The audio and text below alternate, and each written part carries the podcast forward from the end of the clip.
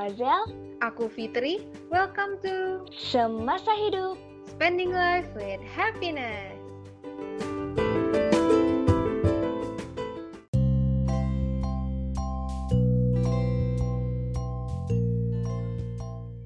Halo, selamat datang di podcast Semasa Hidup season baru. Yeay! Aduh seru banget tiba-tiba udah season 3 aja. Iya bener gak kerasa ya. Iya wow, ini masuk season 3 berarti pembahasan pembahasannya berbeda nih teman-teman. Tentu aja. Di mana kita akan membahas tentang tentang apa Zel? Coba nih sebelum kita kasih tahu mungkin teman-teman juga bisa lihat ya dari cover foto episode ini. Jadi mungkin bisa menerka-nerka nih. Kira-kira kita bakal bahas usia perkembangan berapa ya?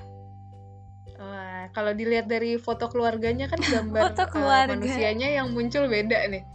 Iya, Udah iya. bukan bayi lagi tapi anak-anak.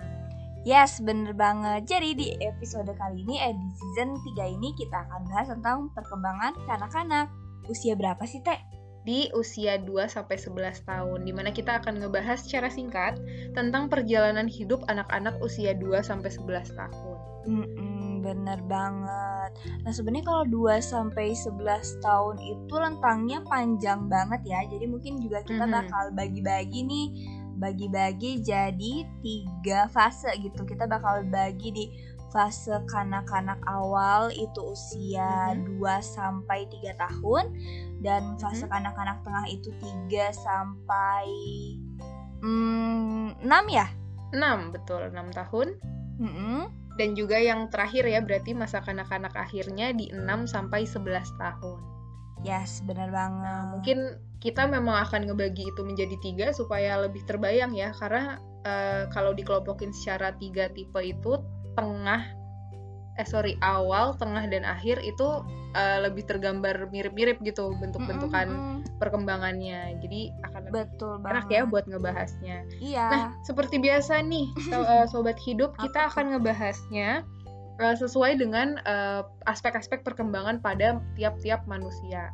Nah, apa aja? Mungkin teman-teman masih ingat? Ada fisik, terus apalagi tuh? Kognitif benar, padahal nggak ada yang jawab. Dan Kognitif dan terakhir juga ada emosi. ya sosial emosi. Sosio emosi betul. Nah, em, pastikan pastinya kita nggak akan jauh-jauh dari ketiga aspek itu. Nah, tapi beda banget nih eh, sobat hidup dengan eh, perkembangan di masa bayi atau eh, season sebelumnya. Nah, kalau misalkan di fisik ini ternyata eh, anak-anak usia 2 sampai 11 tahun ini punya perbedaan yang cukup signifikan ya. Mm-mm. Nah, biasanya tuh eh, apa aja sih yang kayak bakal dibahas? Kalau di perkembangan fisik ini kan sebenarnya terkait sama fisik ya kayak mm, ya semuanya gitu maksudnya badan yang terlihat gitu berkaitan sama nanti ada kita bakal bahas juga tentang motorik kasar, motorik halus yang sebenarnya sih di bayi kemarin juga kita bahas ya teh tentang kayak motorik cuman mungkin kalau udah masa kanak-kanak akan lebih kompleks karena kayak kematangan otot dan kematangan pergerakan yang lainnya juga udah semakin matang. Hmm, betul betul betul dan kalau secara physically juga pasti berbeda ya. Kayak ketika dulu pas masih masa bayi, anak-anak tuh gembul gitu. nah, kalau udah mulai anak-anak karena pergerakannya juga udah lebih eh, banyak ya, otomatis Iya, anak-anak udah pada bisa lari, udah bisa jalan, udah bisa main yang sana kemari. Jadi otomatis badannya jadi singset gitu, ramping. Iya ya. Terus yang paling kelihatan tuh itu sih aku jadi tadi kebayang kalau bayi itu Apa? suka nggak ada lehernya nggak sih? Lehernya suka menyatu ya. Iya. kepala dan juga badan menyatu sehingga leher tidak terlihat. Nah, mulai di anak-anak ini pastinya udah mulai eh, terlihat ya leher itu. bener, Bener bener banget. bener bener. Udah kelihatan bentuknya Nah, lah jadi- ya. Hmm, udah kelihatan bentuknya dan eh, menuju eh, menuju kan ini berarti kanak-kanak ya. Mereka Mm-mm. nantinya akan menjadi remaja. Nah, otomatis perubahan-perubahannya juga eh, lumayan kelihatan tapi mungkin nggak sesignifikan si remaja dan pasti ada hal-hal yang menarik juga nih yang nanti bakal kita bahas. Apa tuh? Spoiler dong. Ya rahasia dong supaya penasaran nanti di pembahasan fisik Tapi kalau teman-teman mungkin sobat hidup ingat-ingat ya, Mm-mm. dulu zaman-zaman usia 2 sampai 11 tahun ya mungkin kayak TK TK gitu dan juga eh, SD SD gitu kira-kira eh, ada ini gak sih? Ada permasalahan-permasalahan tertentu terkait? Nggak inget kalau dulu nggak inget ya. Kalau zaman SD deh paling nggak SD apa ya? Anak-anak SD dulu tuh ini banget gak sih Zel? Kayak antara perempuan dan laki-laki tuh kayak sangat amat terpisah gitu. Iya iya benar. Kayak pokoknya pokoknya kalau misalkan kayak eh aku tuh laki-laki kamu perempuan kita nggak temenan. Pokoknya mainnya misal-misal sendiri-sendiri. Mm-mm, nah itu mm-mm. sebenarnya juga ada tuh terkait di eh, aspek-aspek fisiknya mereka dan juga pastinya nanti berkaitan juga secara kognitif dan juga emosi. Iya iya bener banget. Karena mungkin ini ya kalau di fisik mereka udah lebih sadar ya dibandingkan bayi secara kayak fisik mereka tuh oh rambutku panjang. Oh hidupku Betul. begini. Kayak gitu sih. Mhm. Mm-mm. yes. Terus inget ini juga sih teh aku kalau misalnya ngomongin kayak perkembangan fisik biasa yang ditanyain orang-orang tua itu adalah kayak kok anak aku nggak mau diem? Emang gitu.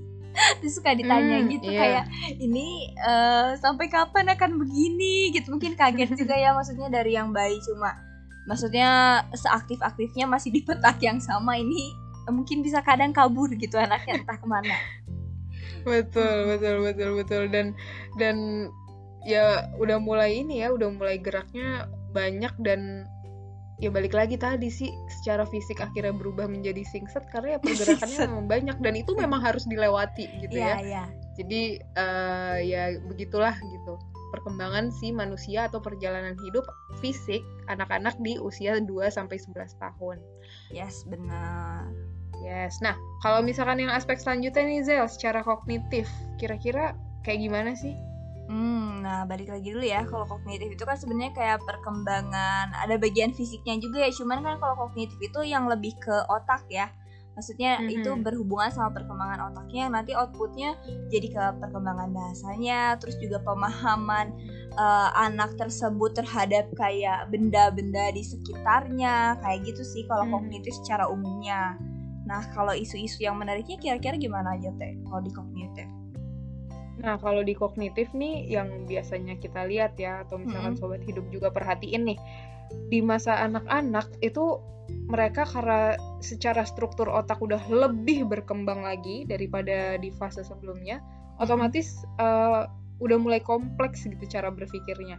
Udah mulai lebih banyak nanya-nanya, semua hal ditanyain, ini kenapa, ini kok gini, aku Itu maunya gini, apa? kenapa harus kayak gitu? Iya benar. Udah deh tuh itu sih biasanya yang eh, terjadi gitu ya sama anak-anak eh, di usia ini Dan challenging banget ya buat orang tua itu. Makanya perlu Hmm, denger benar. podcast kita supaya nanti dapat tips-tips ya. betul ya. Terus kadang juga ini sih maksudnya di usia segitu eh, kalau Mhm. mungkin waktu bayi lebih kayak kalau niru orang tuh cuma lebih ke ekspresinya aja kalau sekarang udah kayak bahasa yang didengar ditiruin Hmm, perilakunya ditiruin jadi kayak kita juga Mm-mm. sebagai orang dewasa harus super hati-hati ya yes karena betul, copy betul paste banget, betul tuh banget. anak-anak usia di usia kanak-kanak itu ih bener. Karena kan kayak kita lihat juga ya maksudnya kayak anak-anak yang udah eh, TK menuju SD gitu. Mm-mm. ya udah tuh bahasa apa yang yang teman-temannya ucapin pasti mereka ikutin gitu. Ya bener. Jadi nggak usah kaget Eh, kalau nanti pas datang ke mm-mm, rumah nggak usah ada kata-kata baru atau perilaku baru. Coba digali lagi tadi dia habis ketemu siapa? Habis nonton Ah, iya, peristiwa bener-bener. apa? Iya karena bener-bener apa ya mereka juga masih ini ya karena lingkungannya juga baru buat mereka Mm-mm. kayak lingkungan sekolah misalkan atau pertemanan yang lebih luas yang nggak cuma di rumah doang yang Ya. sebelumnya kan kalau di masa bayi gitu ya ya udah lingkungannya cuma circle-nya di keluarga nah sekarang ini udah mulai kenal sama yang lain-lain dan otomatis itu membuat mereka menarik ya tertarik Mm-mm. dan ya pastinya dari lingkungan itu semua hal-hal mungkin mulai ditiru gitu Iya bener banget Dan ini juga sih maksudnya dari efek dia udah kenal sama lingkungan luar Biasanya pas nyampe ke rumah Mhm. juga dia kalau di usia kanak-kanak udah mulai ini gak sih Udah mulai bisa nyeritain Mah tadi aku Betul. main bola sama siapa gitu kan Mhm, mhm. Mm-mm. Iya, komunikasinya udah mulai dua arah ya. Iya komunikasinya udah dua arah terus dia juga udah kayak secara eksplisit mengingat kejadian yang dia pernah lakukan gitu sehingga akhirnya dia bisa kayak ceritanya kompleks. Hmm, yes, yes, yes. Wah, berarti otomatis dengan kemampuannya kayak gitu, challenge-nya juga ada ya pasti. iya benar. Biasanya, Biasanya challenge-nya tuh ke kita, eh ke kita, kayak ya ke yang lebih gede. iya bener-bener bener. Biasanya apa tuh Zel? Kalau aku yang kebayang di lingkungan sekolah sih, Mm-mm. karena pertemanannya udah lumayan lebih luas ya, maksudnya Ya. dibandingkan fase sebelumnya, otomatis kayak eh, apa ya situasi-situasi di sekolah terkait belajar, terkait pertemanan, yang pasti yang banyaknya mungkin kalau pertemanan nanti akan masuk di sosio emosi ya, tapi kalau Mm-mm. dari segi belajar di sekolah, otomatis eh, isu-isu tentang keterlambatan belajar gitu atau Ya. misalkan kesulitan eh, berad- apa kesulitan dalam menangkap eh, pembelajaran yang Mm-mm. mungkin udah lebih akademis gitu ya Iya dibanding anak-anak eh, dulu gitu. Maksudnya dari TK, dari TK kan mereka belajar yang pra akademik. Terus nanti SD masuk ke akademis. Nah, itu ada challenge-nya tersendiri. Iya, ini sih eh, ini juga ya maksudnya kan kalau di usia anak-anak memang usianya anak sudah mulai sekolah ya, bahkan dari yang mulai dari sekolah skill. Jadi kan sebenarnya eh, jadi ini juga ya maksudnya da- jadi orang tua juga perlu memberi waktu lebih untuk kayak ya oh yang dipelajari anak tuh sebenarnya apa sih. Jadi kan bisa eh, ngebantu anak juga gitu maksudnya di rumah supaya juga tadi yang kita bilang kan kayak kadang suka ada isu-isu ah anakku kok terlambat kok dia udah udah mengingat angka 1 sampai 100 anakku eh, 1 sampai 10 aja masih lupa-lupa gitu. Belum, iya. Mm-mm. Iya, terus ini Nah, juga sih teh kalau yang aku Hmm? sering dengerin maksudnya ya aku kan di di dunia terapi suka ya itu keluhannya anak aku sulit fokus. Hmm. kadang pada ini juga ya maksudnya beberapa orang tua kayak kewalahan kenapa dikasih aktivitas ini kok nggak mau maksudnya mau tuh cuman kayak sekian detik udah itu selesai Iya, iya, iya. Itu biasanya karena ini juga ya, maksudnya ya karena karena mulai berubah gitu ya. Dari tahapan sebelumnya tiba-tiba harus ke eh, tahapan yang sekarang gitu yang anak-anak di mana otomatis tuntutannya juga lebih banyak, aktivitasnya Mm-mm. yang dilakukan pun juga lebih banyak. Jadi Iya. otomatis fokus itu juga terlatih gitu untuk terus dibangun supaya bisa melakukan aktivitas-aktivitas itu gitu. Benar Nah, nanti kita bakal bahas ya di eh, episode tentang kognitif anak-anak yang nantinya juga pasti akan ada tips-tipsnya. betul Oke. Nah, lanjutnya apa nih, Zel? nah yang menarik juga yang tidak kalah menarik adalah terkait sama sosio emosi nah teman-teman masih ingat nggak kenapa sosio emosi itu barengan terus kalau lupa-lupa Ah, iya. coba didengerin episode sebelum ini ya kita bahas sosio Yes. emosi itu Iya, iya, kita bahas pas sebelum banget ini. sebelum ini Nah, ya kalau misalkan terkait sosio emosi pada anak-anak tuh biasanya mulai ini ya. yang tadi aku sempat bahas juga tuh di lingkungan pertemanan. Mereka udah mulai eh, apa ya? Udah bisa mengenal gitu kayak bahwa oh nggak cuma diri mereka doang nih ternyata ada orang lain yang seumuran gitu atau Mhm. teman gitu. Kata-kata teman tuh sudah mulai melekat gitu ya. Iya bener Jadi dunianya udah bukan keluarganya doang ya Mm-mm. Mm-mm. Dan biasanya nih, eh, Zel, kalau misalkan eh, mulai masuk ke dunia itu, eh, apa namanya, mulai ada kekhawatiran-kekhawatiran nih buat anak-anak yang mungkin Mm-mm. yang kemarin kita sempat bahas ya, ada masalah anxiety, sep- apa, Mm-mm. separation, itu suka muncul nih masalah-masalah kayak takut gitu kalau misalkan ditinggal saat sekolah. Karena kan otomatis Iya di usia-usia segitu ya, an- yang usia-usia TK akhir atau mau masuk menuju SD kan sekolah udah nggak ditemenin lagi nih Iya iya orang tua. Trauma itu biasanya Ketakutan-ketakutan, iya gitu udah mulai muncul. Iya benar. Terus juga banyak lagi kan maksudnya secara sosial tuh selain nanti masuk di sekolah ditinggal orang tua, terus juga selama Mhm. proses belajar kan pasti ada kayak proses siapa yang mau ini. Itu kan juga berkaitan sama keberanian dan kepercayaan diri anak ya. Maksudnya di Hmm, usia usia mhm. segitu kan krusial banget tuh. Ya, Mm-mm. Terus nginget ini Iya, juga iya. sih kalau di sekolah tuh kan banyak temen-temen ya. Biasanya tuh yang kadang jadi problem juga adalah rebutan mainan. Jadi nggak mau sharing. gitu kan. Jadi kayak nggak mau sharing iya bener. jadi kayak eh ini punya aku kamu nggak boleh pinjam gitu nah itu biasanya jadi ini juga sih ya kayak aduh sampai kapan anakku begini gitu Bener, dan kadang juga maksudnya kita ya sebagai orang dewasa kita nih suka salah tembak juga gitu. Kita anggap bahwa misalnya nih anak-anak usia tertentu, ayo dong sharing, sharing, sharing. Padahal sebenarnya belum usianya untuk bisa sharing gitu. nah iya benar Tapi di satu sisi, ya tapi di satu sisi ada yang misalkan kayak momen udah kamu pegang aja udah ini buat kamu teman kamu gak usah dikasih padahal sebenarnya udah bisa untuk sharing nah itu nanti mungkin akan kita ini ya kita bahas Kita bahas kapan ya. sih Mm-mm. ya kapan sih anak-anak tuh udah bisa ngelakuin sharing dan enggak gitu benar so- supaya mm-mm, supaya lebih cocok lagi lah dalam melakukan parenting ini Iya bener soalnya kalau kita ngomongin tentang perkembangan tuh bener-bener nggak jauh sama kayak kita harus tahu kapannya itu gitu supaya Hmm. kita perilaku kita juga tepat gitu ke anak. yes yes setuju banget sih it's about Mm-mm. time ya Iya. Oh iya terus teh eh, apa? apalagi tuh biasanya ini ada satu isu yang ini kalau Mm-mm. terjadi maksudnya ini kadang nggak terjadi di semua anak secara lama ya cuman di beberapa anak ada yang jatuhnya tuh lebih lama cuman itu kayak isunya tuh nguras emosi banget ya kalau lagi kejadian kira-kira apa tuh Hmm, kayaknya gue tahu nih. Tantrum bukan? iya Aduh, tantrum guys.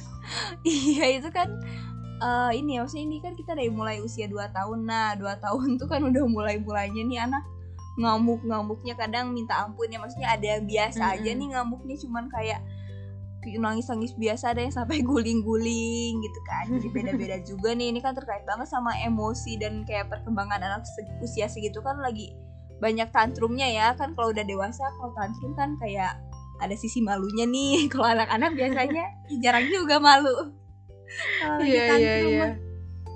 Nah, itu sih itu menarik banget tuh terkait tantrum ya. Maksudnya nanti kita juga mungkin akan bahas kayak sebenarnya tantrum ini normal apa enggak sih? Mm-mm. Kapan dibilang normal, kapan dibilang enggak? Dan apa sih bedanya tantrum itu dengan uh, bentuk-bentuk perilaku yang serupa gitu. iya benar Nah, ini juga ya semoga nanti bisa terbahas dan menjadi ini ya, menjadi penyelamat juru Iya. selamat karena emang PR banget sih nanganin anak tantrum. Ih Gazel juga sering ngalamin kan di anak-anak berkebutuhan khusus iya apalagi. Mm-mm, bener banget. Cuman Wah, ya aku juga dengan Hah? kita berusaha juga ini ya maksudnya ngebantu juga nih buat memudahkan kita pada saat penanganannya. Yes setuju setuju banget sih. Hmm. karena yang pasti ya apa yang kita pelajarin ya untuk di ini ya untuk diterapin gitu. Dan pastilah berguna banget sih. Aku pun juga ngerasain itu di nanganin ya. anak-anakku di sekolah. Mm-mm, bener. Nah dari Oke. itu sih dari isu-isu ini jadi kalau aku jadi pendengar ini tuh semakin Mhm. gak sabar banget nih buat dengerin yang selanjutnya. Jadi kayak eh, aduh ya berarti tipsnya apa nih? Oh ya jadi yang dikatakan normal tuh usia berapa nih? Jadi ya itu aku sih kalau jadi pendengar. Kalau yang lain gimana ya sobat hidup apakah kalian penasaran? Mari tunggu di episode-episode selanjutnya. Ya nanti kita bakal bahas ya di episode selanjutnya. Akan dibagi Hmm. menjadi tiga seperti yang di sebelumnya. Akan ada yang ngebahas tentang fisik secara khusus lalu Yes. juga em kognitif dan sosio emosi pasti. Ya bener banget. Dan kalau misalnya sobat hidup ada isu-isu yang pengen ditanyain terkait perkembangan anak Bisa mention kita ya Teh Atau DM kita di Yes. Instagram Hmm, ya hmm. jadi nanti bisa kebahas ya jadi lebih uh, relate juga nih sama kebutuhan pendengar. Yes bener banget. Oke, okay. nah kayaknya udah nih udah cukup untuk uh, episode kali ini pembukaan untuk season ketiga ini terkait perkembangan anak-anak usia 2 sampai 11 tahun. Kita tutup saja dan sudahi sampai ketemu di episode selanjutnya. See you. Bye. Bye.